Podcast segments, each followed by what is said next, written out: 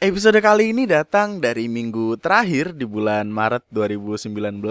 Bahasannya adalah tentang uang yang katanya tidak bisa membeli kebahagiaan. Nama gue Andri dan selamat datang di Lunatic Podcast.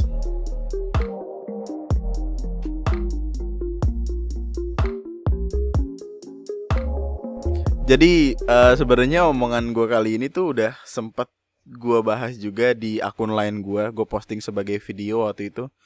Uh, gue ngomonginnya juga sama teman-teman gue. Cuma karena waktu itu gue kelewat emosi, jadi kayak gue ngomongnya tuh kesel gitu.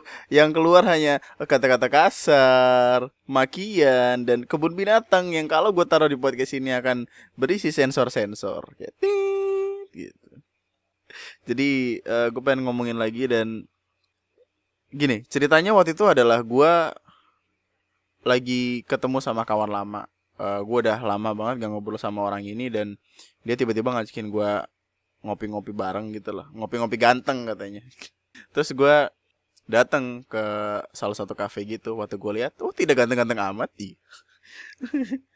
Nah, terus gue ngobrol-ngobrol sama dia ngebahas masalah kerjaan dan lain sebagainya. Waktu itu dia sempat nanya gitu ke gue, Andri ada kerjaan gak? Uh, lowongan atau segala macem gitu. Terus gue bilang ya gue usahain segala macem.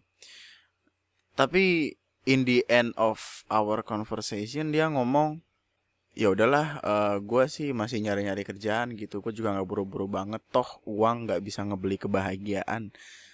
Nggak dengar kalimat itu gue lah kayak langsung diem gitu loh. Terdiam dan gimana ya?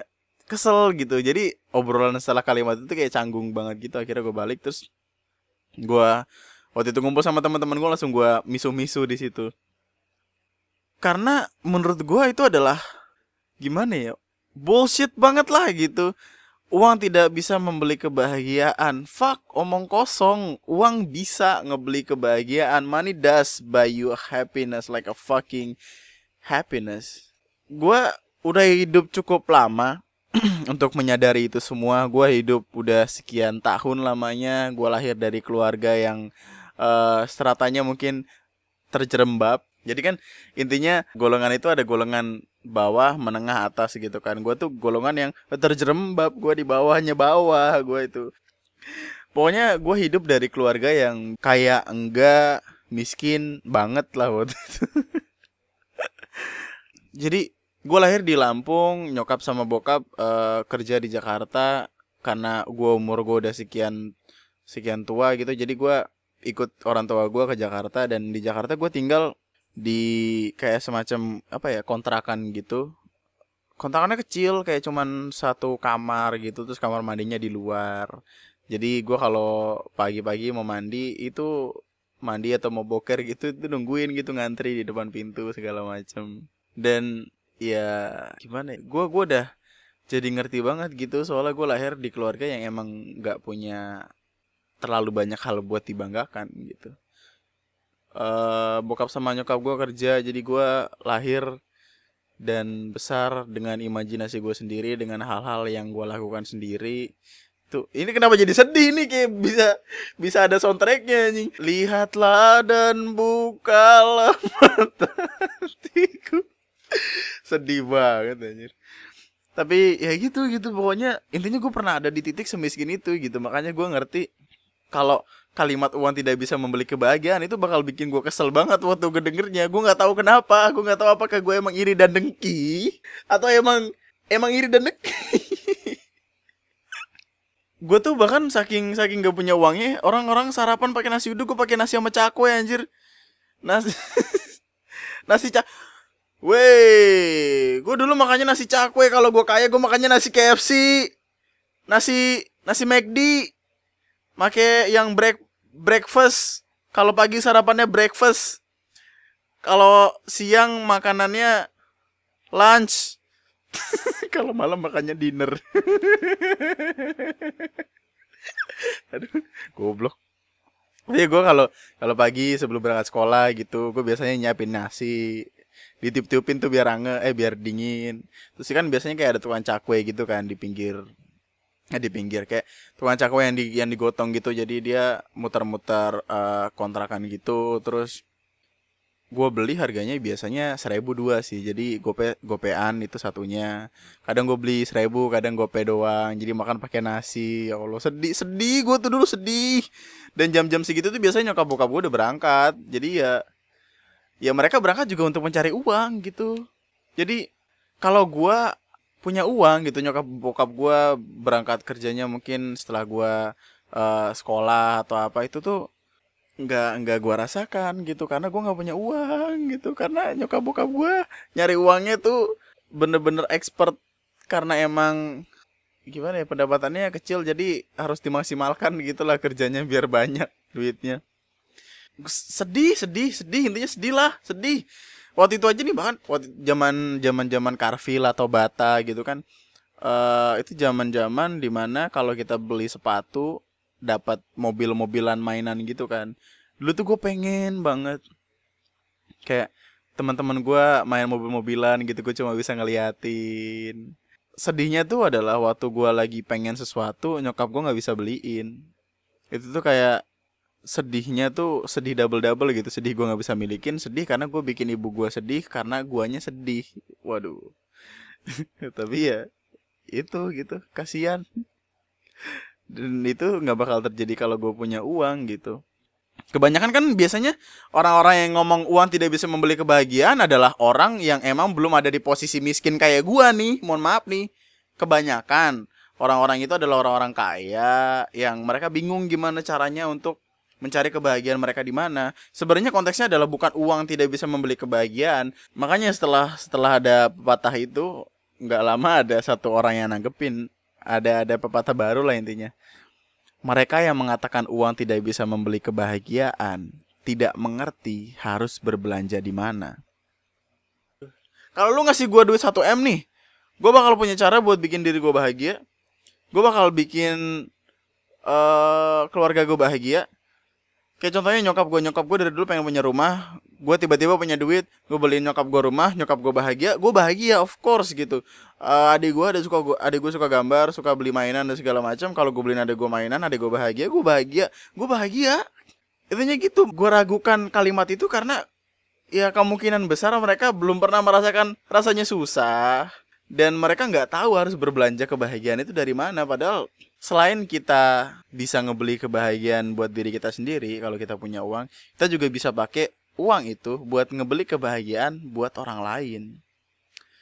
Kayak contohnya yang tadi gue bisa ngasih adek gue nyokap gue kebahagiaan gue bakal bahagia of course gitu. Kalau misalkan gue punya uang lebih mungkin gue bisa ngasih orang-orang di luar sana yang membutuhkan gitu. Dan gue ngeliat senyum mereka tuh bahagia pasti bahagia gitu lu pikir kenapa Bill Gates, uh, Mark Zuckerberg, Steve Jobs nyumbangin kekayaannya buat dikasih ke orang-orang yang lebih membutuhkan?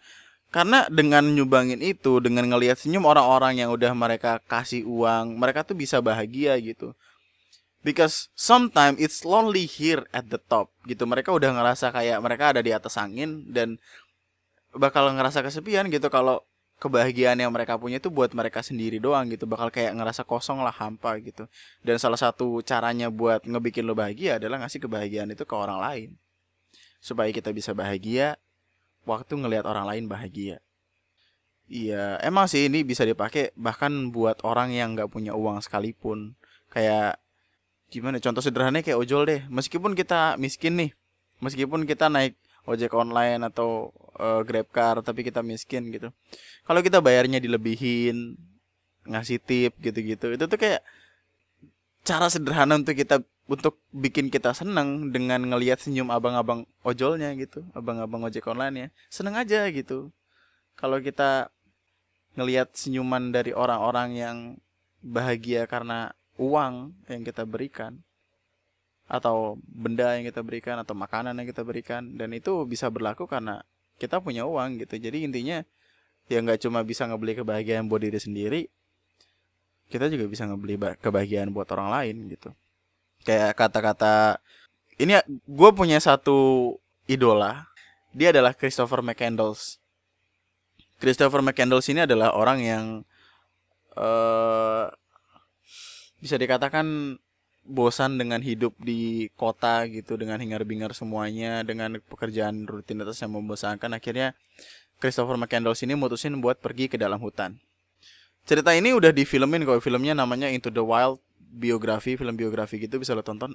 Jadi dia intinya pergi ke dalam hutan hidup sendiri di dalam hutan uh, kayak kayak natur natur kok natur siapa ya intinya hidup dalam hutan gitu bernaturalisasi. Naturalisasi anjir sendirian dalam hutan sampai akhirnya kurus kering karena uh, susah nyari makanan dan segala macam terus akhirnya dia meninggal dunia. Dan di akhir kalimatnya dia nulis sebuah pesan di itu di apa ya pokoknya entah di entah di kayu atau di mobil busnya gitu uh, minibusnya tapi dia ngomong happiness only real when shared kebahagiaan baru bakal terasa nyata waktu kita bagiin ke orang lain jadi nggak nggak ada yang namanya kita bisa bahagia sama diri sendiri dan uang bisa ada di tengah-tengah itu semua untuk ngebantu kita ngasih kebahagiaan buat orang lain. Tapi di luar sana tuh ada yang ngomong uh, apa ya uang tidak bisa membeli pengetahuan. Gue gue sebenarnya agak setuju dan tidak setuju gitu. Setuju, setujunya karena of course gitu uang nggak bakal bisa ngasih lo pengetahuan gitu lo nggak bakal bisa ngebeli yang namanya pengetahuan kecuali lo belajar. Cuma gue antipati sama kalimat ini karena emang konteksnya bukan kita bisa ngebeli pengetahuan terus langsung masuk ke otak kita nggak gitu caranya uang bisa kita gunakan untuk melancarkan jalan menuju pengetahuan lu nggak bisa ya yang namanya namanya lu sekolah atau belajar dan ngedapatin ilmu tanpa uang gitu. Emang sekarang ada Google gitu like you you almost can Google everything and you can got whatever the fuck you want. Tapi kalau misalkan akademisi gitu adik gue nih adik gue SMP adik gue SMP uang gedung gratis gitu karena sekolah negeri. Tapi ya tetap harus bayar kayak LKS bukunya uh, bajunya uh, uh, turnya uh, ujian untuk untuk perpisahan dan segala macam itu tuh butuh uang gitu. Jadi nggak bisa yang pure nggak bisa 100% diambil dari dana bos kan bantuan operasional sekolah. Tapi ya kita harus ngeluarin uang buat diri kita sendiri. Atau kayak contohnya kita udah kelar SMA oke okay, fine gitu. Pilihannya adalah kerja atau kuliah ya. Kalau lo pengen kuliah ya you have to get more money gitu karena kuliahan itu mahal berkuliah itu mahal. Kenapa gue nggak kuliah? Karena fucking mahal. Dan tidak punya uang karena hidup Indonesia semuanya butuh uang. Nggak di Indonesia doang sih semua semua negara juga kuliah butuh uang anjing. Pun kalau lo dapat beasiswa lo dapat kuliah di luar negeri dan lo uh, biayanya ditanggung itu tapi ya kan lo juga butuh biaya hidup di sana gue juga kenal beberapa orang yang kuliah di luar negeri dapat beasiswa tapi ya mereka butuh buat hidup di sana juga dong. Nggak mungkin makanannya Indomie. Di sana Indomie mahal asal lo tahu ya di sana Indomie mahal. Indomie bahkan itu harganya berkali-kali lipat dari di Indonesia jadi tidak bisa tidak bisa makan Indomie di, jadi anak kos di luar negeri. Intinya ya butuh uang lah gitu untuk pendidikan dan kalau kalau konteksnya adalah lo ngebeli pengetahuan pakai uang ya lo nggak bisa. Tapi lo bisa ngelancarin jalan lo pakai uang bener-bener bisa lancar banget gitu. Lo mau kuliah di UI ya selamat datang. Uang. Butuh uang gitu. Tapi ada tapinya nih. Dari semua omongan yang tadi udah gue bahas ada salah satu ada satu tapi. Money does by happiness but you cannot depend your happiness on money. Nggak bisa. Dari tadi gue ngomongin itu karena karena gimana ya? Lo gue bisa ngebeli kebahagiaan gitu. Gue bisa ngebeli sesuatu yang gue pengen terus gue bahagia. Gue bisa ngebahagiain orang-orang yang ada di sekitar gue terus gue bahagia. Tapi ada sisi lain dari uang ini gitu. Money does by happiness. Uang emang bisa ngebeli kebahagiaan tapi kita nggak bisa menggantungkan hidup kita sama uang. Menggantungkan kebahagiaan kita sama uang beda konteksnya antara membeli sama menggantungkan ya. Uh, kayak contohnya gini deh. Lo punya temen tapi teman lu ini cuma mau nemenin lu karena lu punya uang. Karena dengan dia temenan sama lu uh, kehidupan dia kayak terjamin gitulah. Makan lu yang bayarin main lu yang bayarin ke Starbucks dia yang beliin makan di Stick 21 dia temenan sama lu karena emang lu punya uang gitu. Dan banyak kasus di luar sana yang mereka temenan sama orang-orang kaya tapi pada akhirnya ya ditinggalin karena yang orang kayanya ini udah nggak lagi kaya gitu. Atau orang-orang kaya yang yang ketergantungan sama kekayaannya dia. Kayak contohnya uh, orang yang emang terlahir kaya orang yang gimana belum belum belajar bagaimana cara menghargai uang cara menghargai kekayaan takutnya kaget gitu. Gue pernah punya tetangga tetangga gue ini tajir melintir melehoi belgedes. Cuy! Pokoknya dia kaya kaya banget. Dia lahir kaya uh, dibesarkan dengan uang dan segala macem. Cuma gue nggak tahu apa yang terjadi. Kekayaannya hilang. Mungkin uh, bangkrut atau apa atau uh, gimana ya. Uh, hutang nggak ngerti. Pokoknya intinya kekayaannya hilang dan dia kaget bener-bener kaget. Bener-bener yang kayak dia tuh waktu kaya kan nggak bisa makan makanan yang dimasakin apa ya kayak bangsanya warteg gitu-gitu tuh nggak bisa. Jadi makanannya makanan orang orang berduit stick twenty one. Waktu itu gue pernah diajak tuh makan stick twenty one tapi gue nggak bisa megang garpu sama pisau berbarengan jadi gue nggak mau. Waktu itu masih bocah banget anjir. Terus dia tiba-tiba jatuh terjerembab di lubang sesuatu suatu lubang bernama kemiskinan dan dia kaget. Kaget dia stres segala macem. Gue nggak tahu kondisinya sekarang tapi ya semoga dia baik-baik aja sih. Cuma masalah konteks di kagetnya itu yang gue takutkan. Gue takut orang-orang yang tergantung sama uang menggantungkan semua kebahagiaannya sama uang dan dia berpendapat kalau tanpa uang dia nggak bisa bahagia itu bakal ngerusak dia. Tapi kalau misalkan kekayaan itu diambil dari orang yang emang udah terbiasa susah kayak contohnya gue deh. Gue tahu gimana rasanya miskin. Gue tahu gimana rasanya uh, ngeliatin teman-teman gue punya barang hebat gue nggak punya. Gue ngerti gimana rasanya makan nasi pakai cakwe.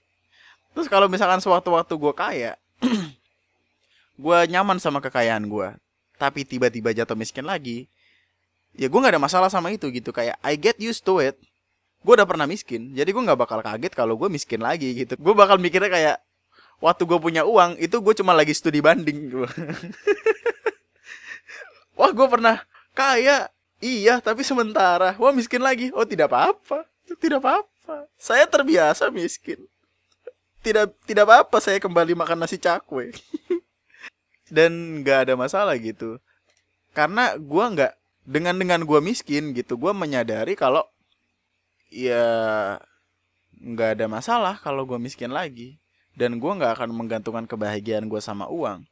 Gue tahu ini balik lagi ke masing-masing individu individu sih kayak personal masing-masing gitu. Apakah ada orang yang tiba-tiba miskin terus kaya terus dia menggantungkan kebahagiaannya terus waktu miskin dia kaget juga atau gimana. Tapi gue yakinnya adalah kalau kita udah pernah miskin terus kita udah ngerasain susahnya jadi orang miskin gue jahat gak sih dari tadi ngomong miskin miskin miskin miskin tapi ya gitu pokoknya kalau misalkan kita udah miskin terus tiba-tiba kaya balik lagi ke miskin yang nggak masalah gitu nggak ada masalah. Karena kita nggak udah pernah merasakan rasanya gimana nggak menggantungkan hidup kita sama uang sama kebahagiaan sama uang.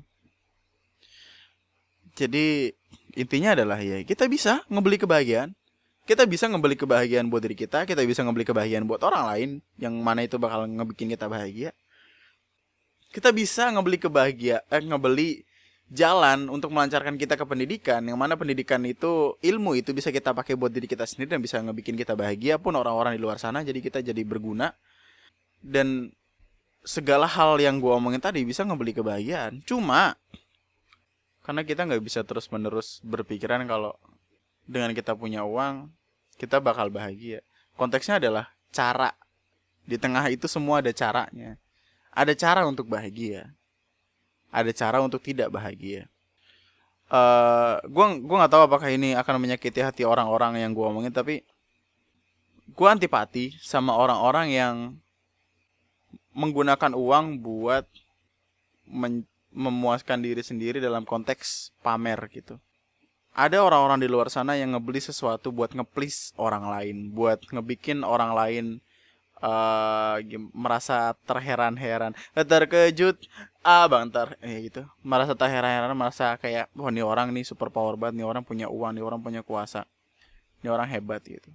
Gue antipati sama orang-orang kayak gitu karena mereka bahkan sampai ada titik di mana mereka minjem sesuatu cuma demi kelihatan kaya gitu dia pengen mamerin sesuatu ke orang lain yang emang pada dasarnya lebih kaya dari dia. Akhirnya dia memaksakan dirinya untuk berusaha menjadi lebih kaya dan akhirnya mereka saing-saingan kekayaan buat kebahagiaan yang diambil dari uh, rasa main saing-saingan.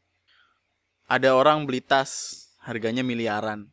Fungsi dia beli bukan untuk penggunaannya tapi untuk dipamerkan ke orang-orang waktu lagi arisan gue gue nggak bakal bilang ini 100% salah karena ada orang di luar sana yang emang beli sesuatu yang emang mahal buat koleksi. Tapi kalau lu ngebeli sesuatu buat ngeplease orang lain dengan cara weh gue beli ini nih kasih gue reward dong dengan uh, dengan bilang gue hebat gitu. Itu tuh agaknya akan ngebikin kita jadi sosok yang nggak ada habis-habisnya gitu. Capek. Bakal jadi orang yang terus-terusan ngejar pengakuan dari orang lain. Kita ngebeli sesuatu demi diakuin sama orang lain. Itu tuh kesalahannya di situ.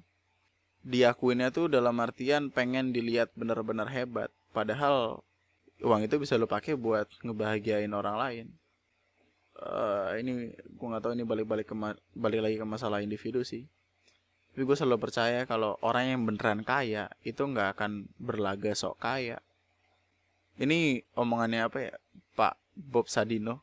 Om Mbah Mbah Mbah. Bob Sadino pernah ngomong kayak gitu. Orang yang beneran kaya nggak akan nggak akan menyombongkan kekayaannya. Raditya Dika dia baju celana itu itu aja. Bill Gates Mark Zuckerberg bahkan. Mobilnya mobil mobil biasa. Mobil kayak mobil murah murah gitu. Meskipun dia adalah salah satu orang terkaya dia nggak beli nggak beli Lamborghini Aventador bla bla bla gitu. Mobilnya mobil biasa. Mobil kayak sebangsa apa Xenia Avanza kali di luar negeri di sono. Nggak. Mereka bekerja konteksnya adalah untuk kaya bukan untuk terlihat kaya. Itu adalah dua hal yang berbeda dan dua hal yang bertolak belakang gitu. Kalau lu pengen terus-terusan kelihatan kaya ya nggak ada habisnya. Semu gitu kebahagiaannya tuh semu tapi bisa beli kebahagiaan. Eh, pertanyaannya kan tadi apakah uang bisa ngebeli kebahagiaan? Bisa. Cuma masalahnya adalah seberapa lama kebahagiaan itu bisa bertahan. Kalau lu ngemakai duit lu buat ngebeli kebahagiaan lewat cara yang dalam tanda kutip uh, aneh karena lu dipakai buat ngeplis orang-orang buat ngebikin diri lu kelihatan hebat. Itu tuh kayak cuma sementara doang. Tapi kalau lu ngasih kebahagiaan dengan cara yang lebih manusiawi, lebih hebat, kayak ngasih makan orang-orang di Afrika atau ngasih sumbangan buat bencana alam dan lain sebagainya itu kayak keren banget gitu hebat. Ada ada kelasnya lah ada kelasnya. Kalau lu pakai kekayaan lu buat dilihat hebat sama orang-orang doang eh maksudnya apa ya? Buat dibilangin kayak wah nih mobilnya mahal wah nih mahal wah nih uh, arisan kok bawa uh, emas di jari kanan tuh ada lima di jari kiri ada sebelas satu jari ada tiga cincin emas gitu. Itu enggak enggak gitu. Itu kelasnya kayak aduh gimana gitu. Jadi ya intinya sebenarnya yang tadi tadi kita omongin adalah bersyukur. Sebenarnya ya balik lagi semuanya adalah tentang bersyukur gitu. Kita bisa bersyukur atau enggak sama apa-apa yang kita punya.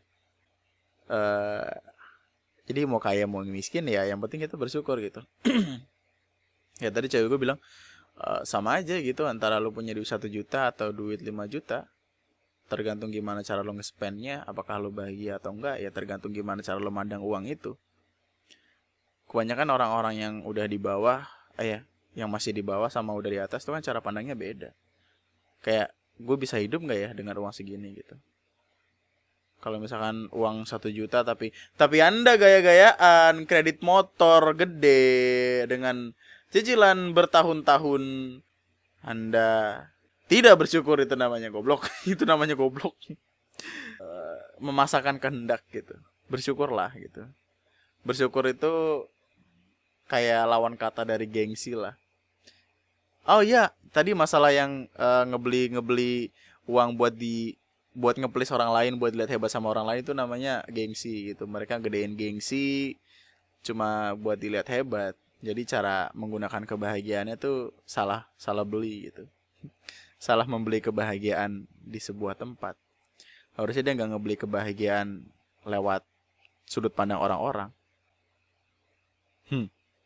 sebanyak apa pun uangnya kalau nggak bersyukur nggak bakal ada habisnya dan saya pasti akan lebih bersyukur kalau saya kaya Bukan berarti gue sekarang tidak bersyukur. Saya bersyukur, tetapi akan lebih bersyukur seandainya saya kaya. Seandainya rumah saya tingkat 11, di lantai 11 ada home theater. Ada bioskop. Hah, muter-muter mulu kalau bikin podcast emang bangsat. Ya itu ya, intinya ya.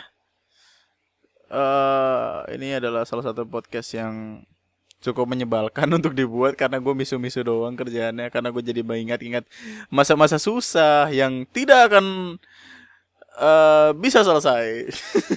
Eh, bisa bisa. Alhamdulillah ya Allah. Ya Allah doakan hamba kaya ya Allah. Amin. Saya pengen uh, naik Lamborghini buat beli somai buat beli ketoprak di depan Alexis atau depan komplek. Depan komplek aja deh. Gue pengen naik helikopter dari dari rumah gue ke kantor gitu. Saking kayanya. Ya udah. Udahlah itu aja lah. Buat lo yang nonton di YouTube tulis pendapat dan opini lo di kolom komen. Kira-kira apa pandangan lu tentang uang yang katanya nggak bisa ngebeli kebahagiaan ini? Apakah pandangan lu bener uang nggak bisa ngebeli kebahagiaan? Atau uang bisa ngebeli kebahagiaan? Atau gimana sudut pandang lu tulis aja di kolom komen untuk yang mau ngasih kritik, opini, saran, pendapat dan apa pun itu lu bisa kirim DM di Instagram gua @lunatictwister atau lu bisa gua eh, lu bisa kontak gua di line ID-nya Andri IX underscore X. Dan ya itu aja buat podcast gua kali ini. Terima kasih udah menghabiskan waktu anda mendengar orang seperti saya bersabda tentang kemiskinannya Semoga nantinya kita semua bisa bahagia dengan apa pun yang kita punya. Amin. Nama gue Andri, sekian dan Percuma Anda berbakti, berbudi pekerti luhur kalau miskin.